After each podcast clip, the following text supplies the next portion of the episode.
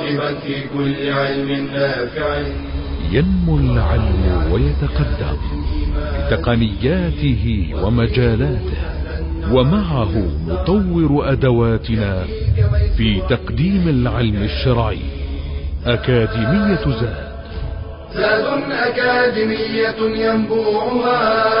صاف صاف ليروي غلة الظمآن. هذه عقيدتنا الصحيحة فطرة تنفي الشكوك بواضح البرهان. بشرى لنا ذات أكاديمية للعلم كالأزهار في البستان. السلام عليكم ورحمة الله وبركاته. الحمد لله والصلاة والسلام على رسول الله وعلى آله وصحبه ومن اهتدى بهداه ما بعد. أرحب بالإخوة والأخوات.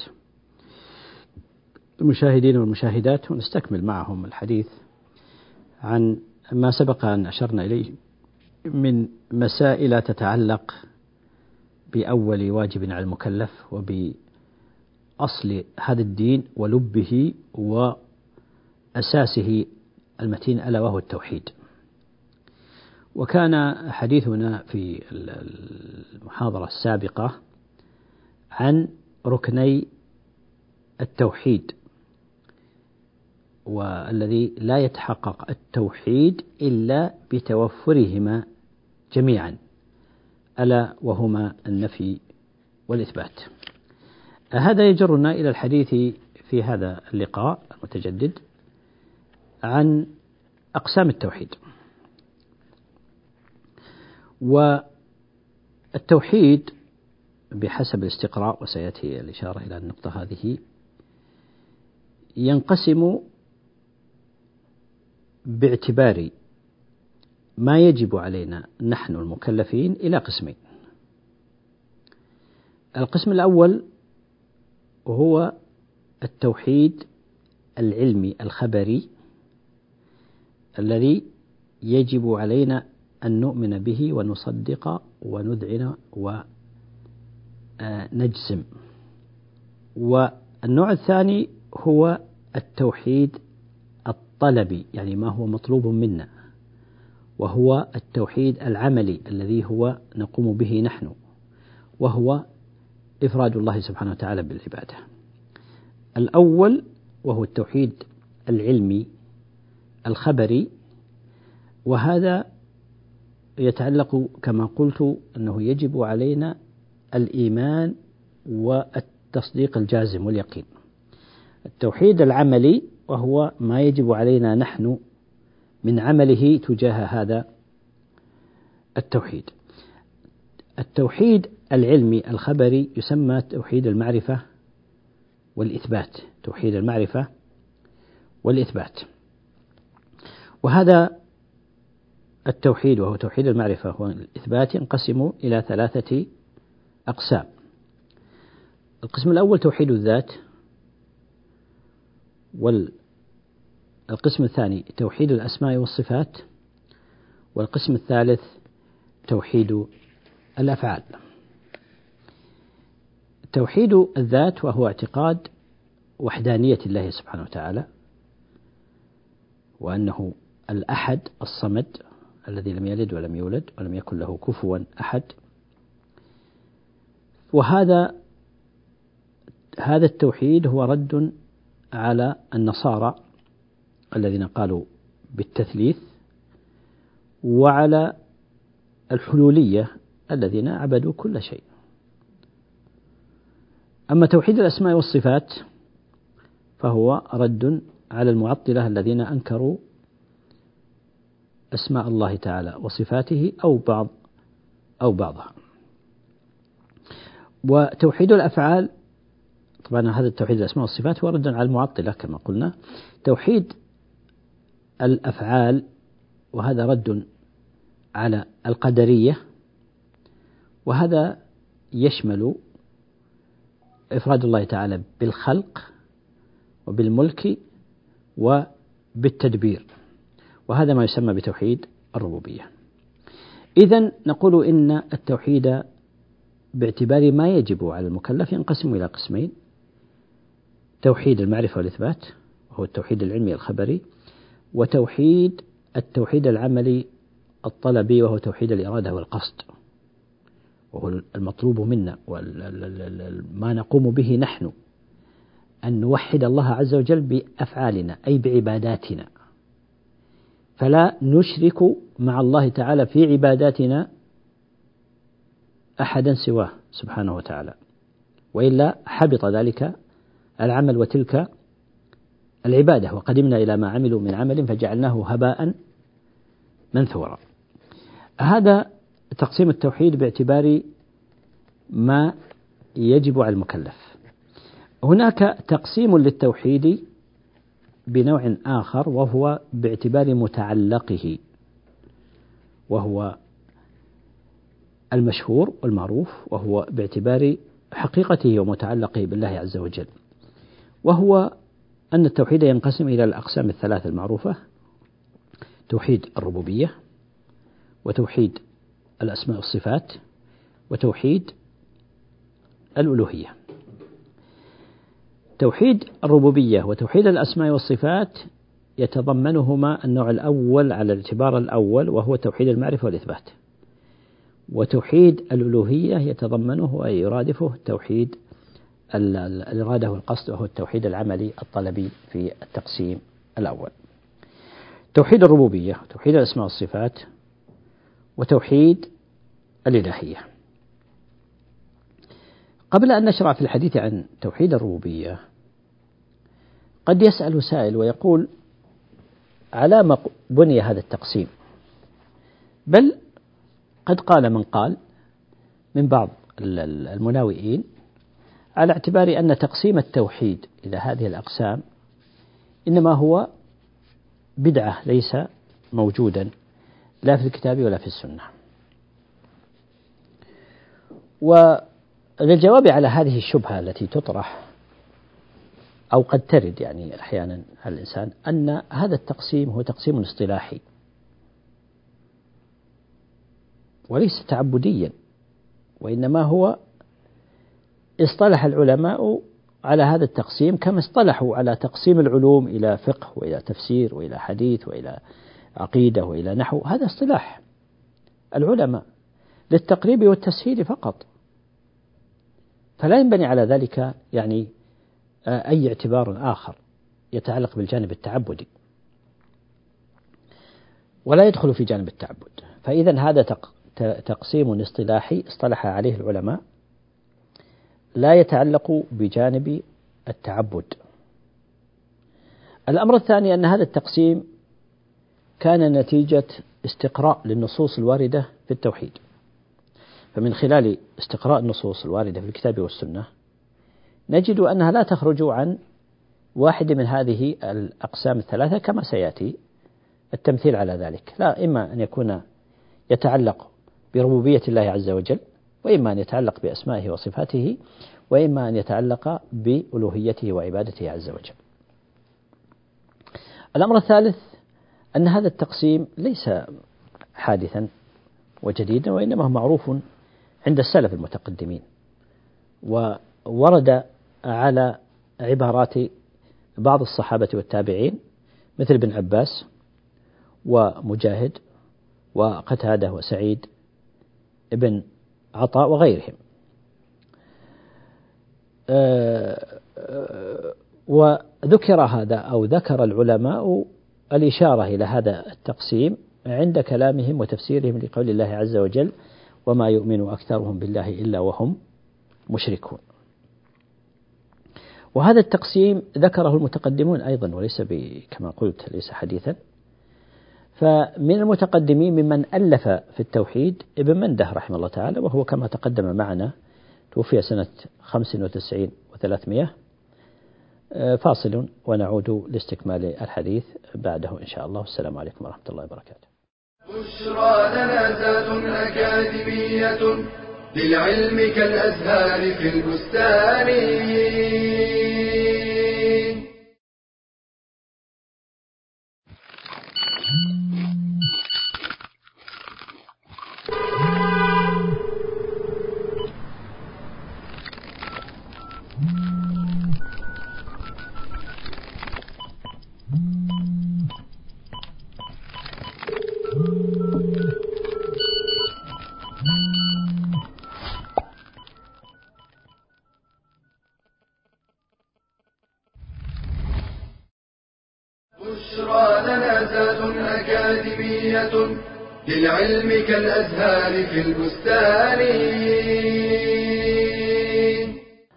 السلام عليكم ورحمة الله وبركاته.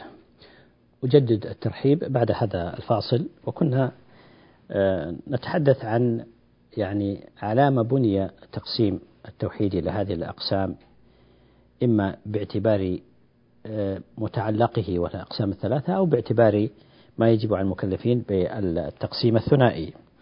قلنا إن هذا التقسيم هو تقسيم اصطلاحي وتقسيم مبني على الاستقراء والاستقراء دليل معتبر.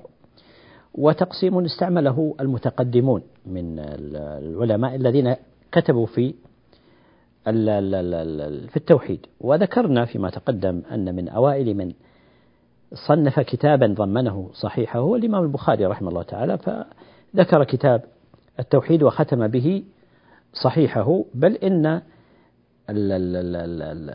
البخاري رحمه الله تعالى في هذا الكتاب كتاب التوحيد جعله على هذه الأقسام الثلاثة. الأبواب الثلاثة من أبواب كتاب التوحيد الأولى كلها على تقسيم التوحيد إلى التوحيد المتعلق بالربوبية وبالأسماء والصفات وبالألوهية.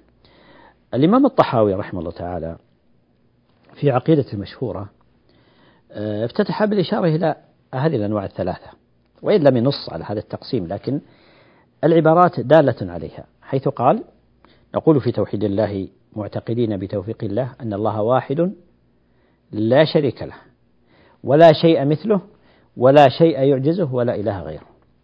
فقوله إن الله واحد لا شريك له متعلق بالتوحيد الألوهية ولا شيء مثله يتعلق بالأسماء والصفات ولا شيء يعجزه متعلق بالربوبية ولا إله غيره تأكيد للألوهية كما تقدم. وجاء هذا التقسيم عند ابن منده في كتاب التوحيد متوفى سنة 95 و300 وعند ابن بطة أيضا وهو قبل ابن منده المتوفى 387 ذكر هذه الأنواع الثلاثة وغيرها من وغيرهم من العلماء. بل هذا التقسيم هو موجود في كتاب الله عز وجل. فلو نظرنا إلى سورة الفاتحة مثلا على سبيل المثال فقد يعني آه، ذكرت هذه الأقسام الثلاثة وهي أم القرآن وهي أفضل سورة أنزلت علينا. الحمد لله رب العالمين. وهذا في الربوبية. الرحمن الرحيم. وهذا في الأسماء والصفات. مالك يوم الدين. ربوبية.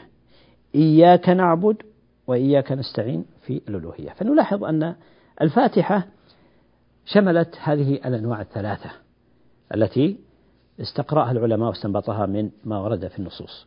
وجاءت في نصوص أخرى على سبيل المثال آية واحدة جمعت أنواع هذا التوحيد الثلاثة. في قول الله عز وجل وهو الحي يقول الله عز وجل هو الحي لا إله إلا هو فادعوه مخلصين له الدين الحمد لله رب العالمين. هو الحي لا إله إلا هو فادعوه مخلصين له الدين الحمد لله رب العالمين. هو الحي هذا في الأسماء والصفات. لا إله إلا هو في الألوهية. مخلصين له الدين تأكيد الألوهية. الحمد لله رب العالمين في الربوبية. والأمثلة على هذا المعنى كثيرة. نعود بعد ذلك إلى الحديث عن النوع الأول من التقسيم الثلاثي وهو توحيد الربوبية.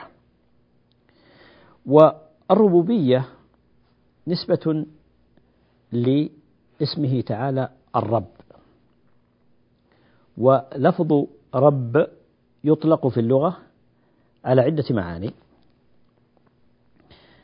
يطلق الرب بمعنى المربي من التربية والتعهد والإصلاح وهو والتربية عموما. ويطلق بمعنى السيد والمالك ويطلق بمعنى المدبر والقيم والمنعم وهو معنى القيوم من أسمائه سبحانه وتعالى. والربوبية هي لغة مصدر ربب ومنه الرب كما أشرنا والرب مطلقا هو الله عز وجل. وهو عز وجل رب كل شيء ومليكه وله الربوبية على جميع الخلق لا شريك له سبحانه وتعالى.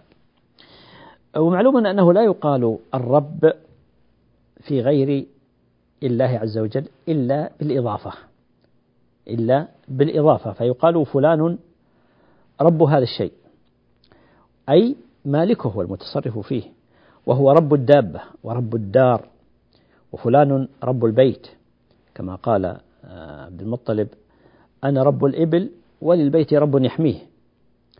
وهذا آه، من القرآن في قول الله عز وجل وقال الذي ظن أنه ناج منهم اذكرني عند ربك أي عند سيدك. فأنساه الشيطان ذكر ربه في قصة يوسف عليه السلام. هذا من حيث المعنى اللغوي. أما من حيث الاصطلاح الشرعي فالربوبية أو توحيد الربوبية هو إفراد الله عز وجل بأفعاله التي يختص بها والصادرة إلى العباد مثل الخلق والملك والتدبير. أو بتعبير آخر هو اعتقاد إفراد الله عز وجل بأفعاله المختصة المختص بها سبحانه وتعالى. فيكون معنى توحيد الربوبية الاصطلاحي إفراد الله تعالى بالخلق والملك والتدبير. فلا خالق إلا هو سبحانه وتعالى ولا مالك الملك المطلق إلا الله عز وجل ولا مدبر التدبير المطلق إلا الله عز وجل. وهذا هو معنى التوحيد وهو يستوجب إفراد الله عز وجل بجميع معاني الربوبية اللغوية والشرعية ونفي الشريك عن الله سبحانه وتعالى. ويتبع ذلك من المعاني. بقية الأفعال الأخرى مثل الرزق ومثل القبض والبسط والنفع والضر والإحياء والإماتة والبعث والنشور وغير ذلك من معاني الربوبية والتدبير لله سبحانه وتعالى. والمراد بالربوبية هو قيام الله تعالى على العبد بتربيته وإصلاح شأنه وتدبير أمره. وهذا مأخوذ من المعنى اللغوي الذي أشرنا إليه قبل قليل. والرب هو الذي يربي عبده فيدبره. وهذا لا يكون إلا لله سبحانه وتعالى. الربوبية تقوم على أمور ثلاثة هي الأسس وما بعدها من أفعال الله عز وجل هي تابعة لها. أول هذه الأفعال التي اختص الله سبحانه وتعالى بها دون غيره هي الخلق. والخلق له معنيان.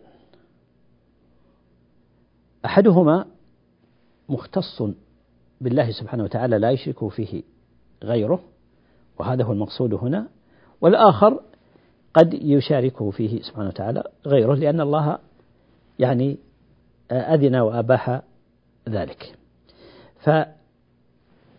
فالخلق الذي اختص الله سبحانه وتعالى به وهو المعنى الخاص بالله عز وجل هو الإيجاد من العدم. أو بعبارة أخرى هو المبدع للخلق المخترع لهم على غير المبدع للخلق المخترع لهم على غير مثال سابق. وهذا مما تفرد الله عز وجل. هذا من خصائص الله عز وجل.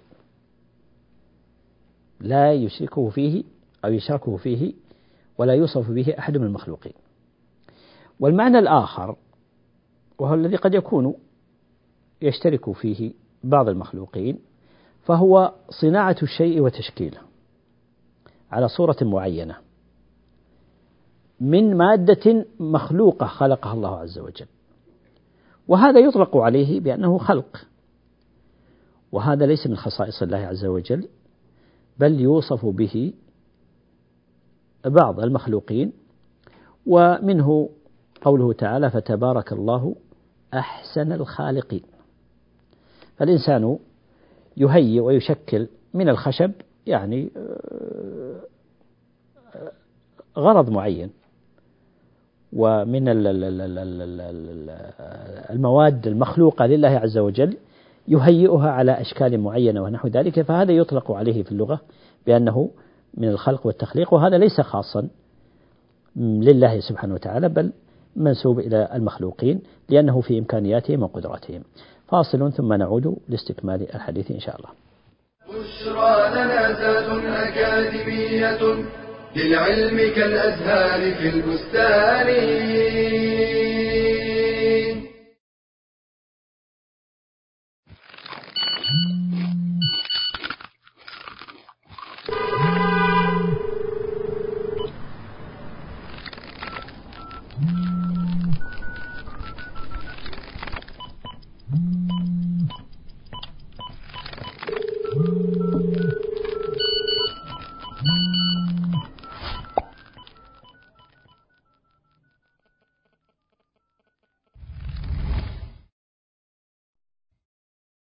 يلجأ الكثير من الباعة والمنتجين إلى وسائل شتى لجذب المشترين والتي منها تلك المسابقات التي تجريها بينهم ليحظى الفائز منهم بجوائز عينية ونقدية. وربما قامت بمنح المشترين كلهم أو بعضهم هدايا وجوائز دون عقد إيه مسابقة. فما حكم الاستفادة من هذه الهدايا؟ الراجح جواز الاستفادة منها بشرطين. الأول أن يكون ثمن البضاعة حقيقيا بحيث لا يرفع التاجر السعر من أجل الجائزة. فإن رفع السعر من أجل الجائزة فهذا من الميسر وهو لا يجوز. الشرط الثاني ألا يشتري الإنسان سلعة من أجل الجائزة فقط كأن يشتري حليبا أو عصيرا وهو لا يحتاج إليها لكن ليحصل على الجائزة ثم يريقه ولا يستفيد منه. فهذا من إضاعة المال الذي سيسأل المرء عنه. فعن ابن مسعود عن النبي صلى الله عليه وسلم قال لا تزول قدم ابن آدم يوم القيامة من عند ربه حتى يسأل عن خمس. فذكر منها وعن ماله من أين اكتسبه وفيما أنفقه فإن كان سيستفيد منها فيما بعد باستعمال لها أو تصدق بها فلا بأس.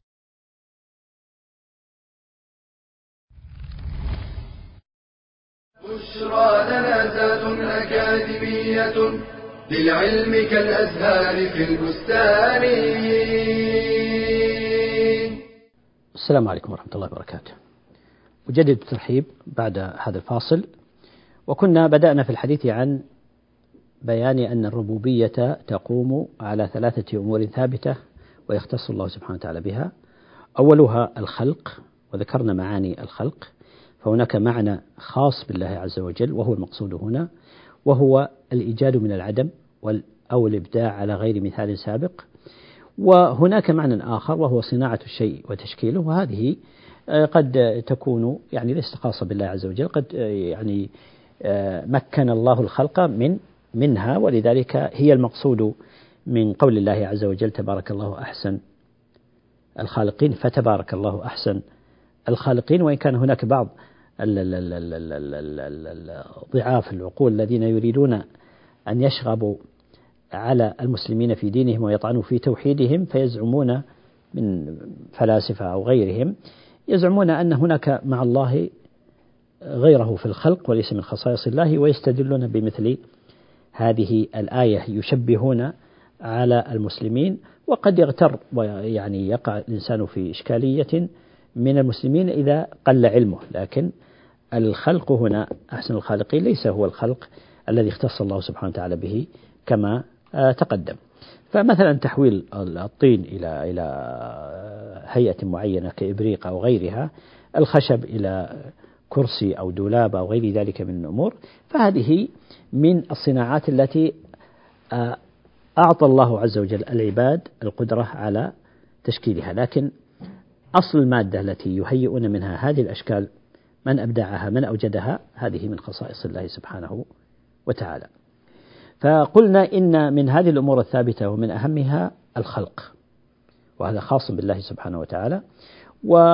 معنى ذلك هو إفراد الله عز وجل بكونه الخالق بالخالقية فلا يقدر على الخلق إلا الله سبحانه وتعالى. وجاءت نصوص كثيرة في هذا المعنى. قول قال الله عز وجل ألا له الخلق والأمر تبارك الله رب العالمين. فالله له الخلق وحده دون غيره وله الأمر كله سبحانه وتعالى. قوله عز وجل والذين يدعون من دون الله لا يخلقون شيئا وهم يخلقون. فهذا دليل على ماذا؟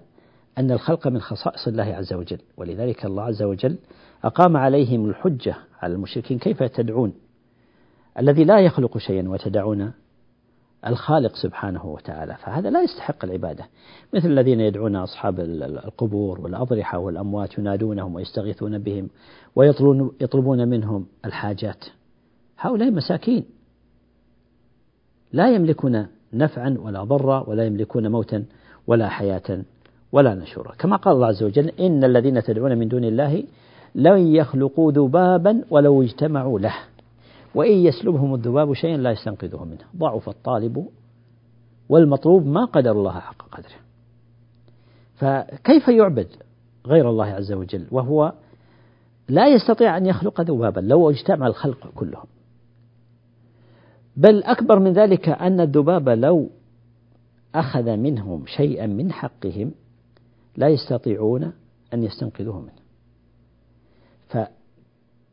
فهذه الآيات وما في معناها وهو تعجيز المعبودين من دون الله عز وجل وبيان ضعفهم وعجزهم دليل على أن المستحق للعبادة هو الخالق سبحانه وتعالى وحده. ومن أسمائه سبحانه وتعالى الخالق. كما قال الله عز وجل هو الله الخالق البارئ المصور له الأسماء الحسنى والخلاق أيضا من أسمائه وهي صيغة مبالغة. إن ربك هو الخلاق العليم سبحانه وتعالى. والمبالغة هنا للإشارة إلى كثرة الخلق وخلق الله سبحانه وتعالى. ويقول الله عز وجل أيضا قل هل من شركائكم من يبدأ الخلق ثم يعيده؟ وهذا من باب التعجيز أيضا ومن الاستدلال بالربوبية على الألوهية كما سيأتي إن شاء الله الكلام عليه في حينه إن شاء الله. والمراد بالخلق هنا هو إيجاد الشيء من العدم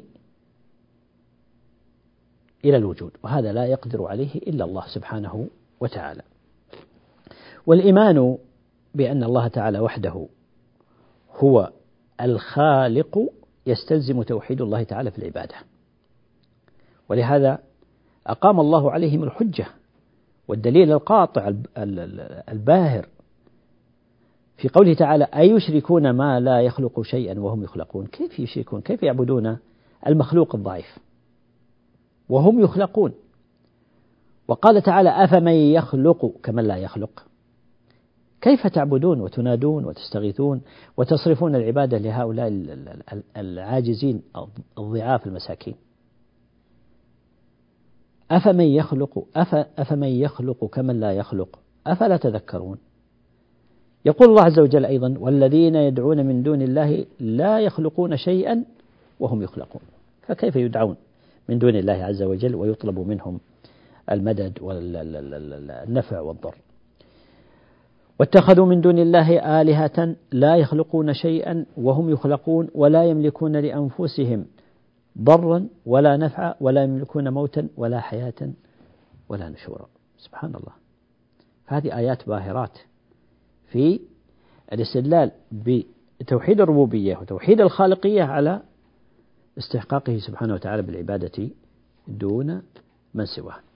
أيضا من الأمور الثانية الثابتة الثلاثة الثابتة لله عز وجل والتي هي من خصائصه عز وجل الملك المطلق.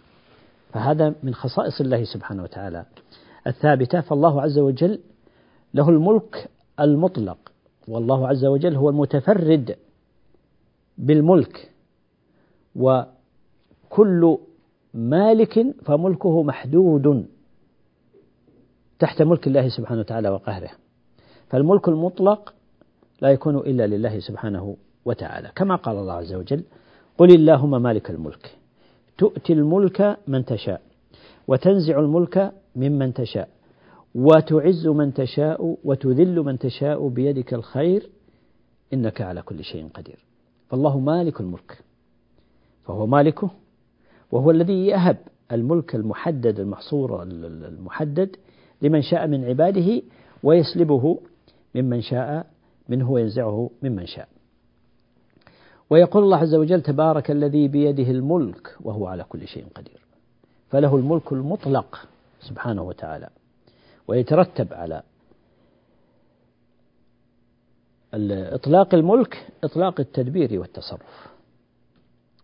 ويقول سبحانه وتعالى وقل الحمد لله الذي لم يتخذ ولدا ولم يكن له شريك في الملك لم يكن له شريك في الملك ليس هناك أحد مع الله سبحانه وتعالى يشارك الله عز وجل في ملكه. فسبحان الذي بيده الملك وهو على وإليه فسبحان الذي بيده ملكوت كل شيء وإليه ترجعون. بيده ملكوت كل شيء وإليه ترجعون. من أسمائه سبحانه وتعالى الملك وهو الذي يعني له الملك المطلق سبحانه وتعالى.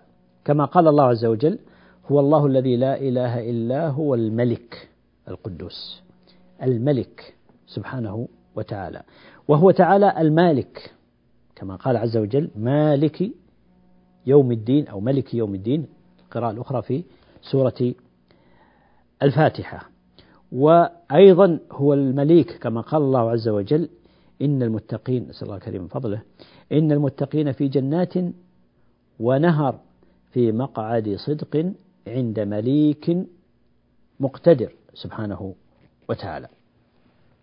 وما دام أن الله سبحانه وتعالى هو خالق كل شيء وهو مالك كل شيء فهذا يستلزم أن لا يعبد إلا هو سبحانه وتعالى ولا يرجى إلا هو ولا يطلب النفع والضر إلا منه سبحانه وتعالى. وإن من السفة أن يلتفت الإنسان إلى المخلوق الضعيف العاجز فيطلب منه ما لا يملكه إلا الله سبحانه وتعالى. وهذا يعني صور من صور الشرك في ربوبية الله سبحانه وتعالى والالتفات إلى غير الله عز وجل.